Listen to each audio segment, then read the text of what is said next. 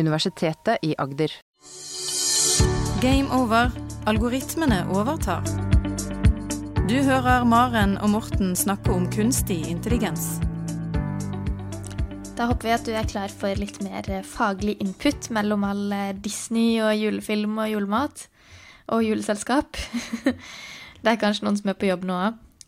I dag så skal vi ta for oss den tredje artikkelen som du, Morten, har gjort klar.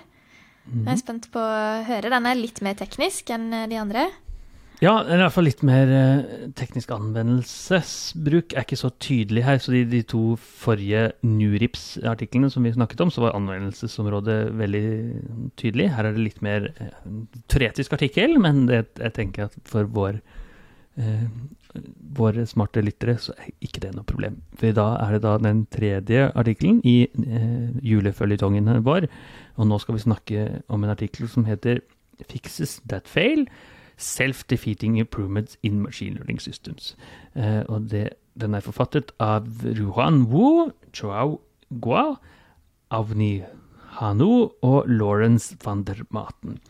Uh, igjen litt utenlandske navn her, så det er ikke sikkert alle uttalelsene er riktig, men det står i hvert fall i, podkastbeskrivelsen der nede hvis folk er interessert.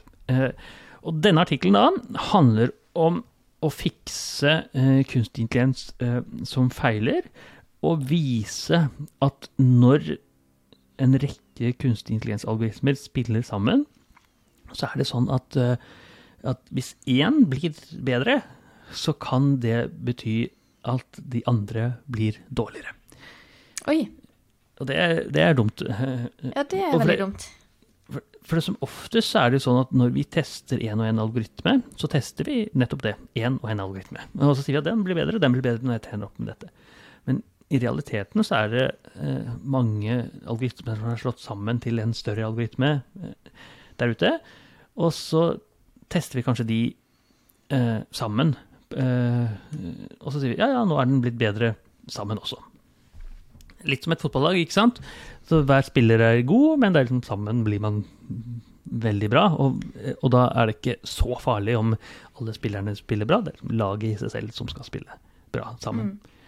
Uh, og, da, og, dette er veldig problematisk for maskinlæringsverden, for det uh, Hvis man tenker at ja, nå trener vi alt sammen i en bolk, så skal vi da få eh, ideelt sett alle sammen inn bli gode, men de viser her altså at det er eksempler. Selv om eh, hele systemet i seg selv blir bedre, så kan det bety at det er bare én del av systemet som blir bra, og de andre fortsetter å bli dårlig. Mm. Og blir dårligere, eller fortsetter dårlig. på nivået som de var? Blir dårligere. Og, ja. eh, man kan tenke seg litt som en studentoppgave, kanskje. Eh, hvis, tenker, hvis, noen leverer en, veldig, en, gruppe med studenter leverer en veldig god oppgave, så kan mm. man se for seg da, at en i gruppen har blitt veldig veldig flink, gjør det aller meste av arbeidet og kjører over de andre og sier at sånn skal vi mm. gjøre det, og så blir det en, la oss si, en B- eller A-oppgave. Og så har de to andre i gruppen kanskje blitt enda dårligere, for de, bare, de har bare mm. hengt med. Eh, sånn skjer det ikke blant mine studenter, men man kan tenke seg en hypotetisk verden. Liksom. Så det rett og slett, de har studert den generelle maskinlæringsmodeller isolert og sammen. Og mens kunstig intelligenssystemene består av mange maskinlæringsmodeller, så er det store spørsmålet kan forbedring av én modell gjøre systemet verre, og svaret er ja. Uh, og selv om denne artikkelen ikke foreslår noen sånn spesielt eh, imponerende ny metode, så peker de på noe som vi kunstig intelligensforskere kanskje ikke har tenkt så mye på. Og det er, det er den komplekse verden som kunstig intelligens brukes i, i, praksis. Og det har stor betydning for eh, kunstig intelligens-domenet eh, der ute. For den virkelige verden består av mange kunstig intelligens-systemer satt sammen. Ja. Så, det, så det kan være at dette skjer i flere, flere, steder hvor vi ikke har tenkt oss at det kan skje? Og, ja, antageligvis så skjer det allerede i de systemene vi har. Uh, uh, enten det er på sosiale medier eller i selvkjørende biler eller, eller, hvor det skal være. Så får vi disse systemene som er uh, tilsynelatende veldig, veldig gode. Mens, mens, i realiteten består av dårligere og dårligere modeller der inne, og så er det en som tar over, på en måte. Ja. Og de, jeg tror vi kan kanskje prøve å konkretisere med et konkret eksempel, så lytterne henger med. Ja, få høre. Og ideen, så er, De hadde masse eksempler, masse teoretiske eksempler og sånt, som hvis man er spesielt interessert kan gå og finne. Eh, men ett et eksempel kommer fra selvkjørende bil-verden. Eh, og da er det sånn at i en selvkjørende bil, en Tesla eller, eller mange andre typer biler, så består det av masse forskjellige sensorer og masse forskjellige kunstige intelligenser som leser disse sensorene.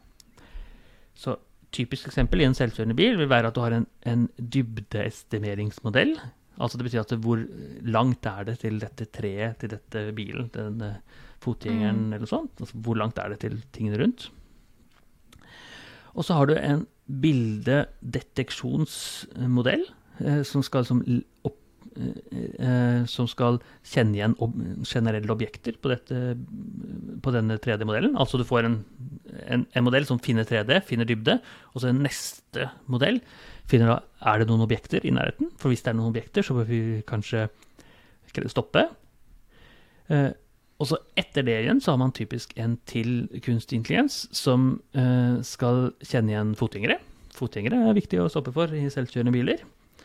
Absolutt. Og så har man en eh, fjerde modell som skal kjenne igjen eh, eh, andre, andre, biler. Som er eh, Kanskje de to siste går parallelt. Da som altså stereokamera. Eh, og så får man, i, i tillegg til dette her også, man har to bilder fra bilen, og så har man dybde, og så får man det som kalles pseudolidar, altså det som er sånn dybdeestimat, men som bare ligner på eh, laser. Men lidar er en sånn type avansert laser. Og så har man en modell som kjenner en biler, og en som sender fotgjengere. Så et komplekst system. Masse, masse skjer samtidig i, i kunstig intelligens. Og det man er interessert i til slutt, er jo eh, eh, Krasjer man med andre biler, eller krasjer man med andre fotgjengere? Begge deler vil man da selvfølgelig ikke gjøre. Og det er det man måler. Og det de viser da, det er at eh, hvis eh, man trener opp modellen fra ende til annen, og så kan det være sånn at f.eks. denne dybdeestimeringsmodellen er blitt så god at den liksom klarer alt sammen. Perfekt. Nesten perfekt. At Oi. bilkjenningsmodellen Uh, og når det skjer, så blir bilkjenningsmodellen dårlig. Og så blir fotgjengermodellen dårlig, for den trenger ikke å være så veldig god for å fungere, for det data den får inn, er veldig, veldig godt. Hm. Og det er problematisk, ikke sant? for da, jeg, vi, vi, vil jo gjerne at både den skal kjenne igjen fotgjengere godt, den skal kjenne igjen biler godt, eh, uavhengig av dataene som kommer inn uh, på forhånd. Men når dataene kommer inn er så gode at den andre trenger ikke å bli være god, så er det, er det Men hvis man da får samme resultat? så er det kanskje ikke så farlig? Det kan du godt si, men det er samme som å si at eh, er det så farlig da om, hvis fotballaget vinner, om eh, keeperen er god eller ikke? Ja, kanskje du skulle ha en god keeper allikevel. Men en, til slutt så er det ikke så farlig, farlig selvfølgelig, for den krasjer ikke. Men, men, eh, men, på et eller annet sted så vil du si at ja, ja, ja den skal bli enda bedre. Ja, da må vi, mm. Så resultatet er da at kanskje man skal trene fotgjengermodellen seg selv. Kanskje keeperen på fotballaget skal trene litt utenfor laget for å bli god. ikke sant? For ja. av og til så trengs det der ute. Mm. Når det er, det er krise, hvis, hvis, den ene har tatt feil, så kan den andre rette opp. Nettopp. Uh, og, og, det er jo sånn at kanskje kunstig intelligens i selvkjørende biler klarer det i 95% av tilfellene. Jeg vet ikke helt om det tallet stemmer, men la oss si det. Uh, så vil vi gjerne at den skal gå til i hvert fall sånn 99,999 variant. Mm. Og for å få det til, så må vi tenke ja, da må vi ikke trene de sammen, man må trene de hver for seg der ute. Mm. Og de har, da, eh, de har testet med et veldig veldig kjent datasett, data som, det som heter Kitty, som er selvkjørende biler. Og da har de observert nøyaktig den type, uh, type feil. Uh, og de har testa det i en rekke andre datasett også. Altså Dette er antakeligvis en veldig vanlig feil i ja. veldig veldig mange av de kunstig intelligens-modellene der ute.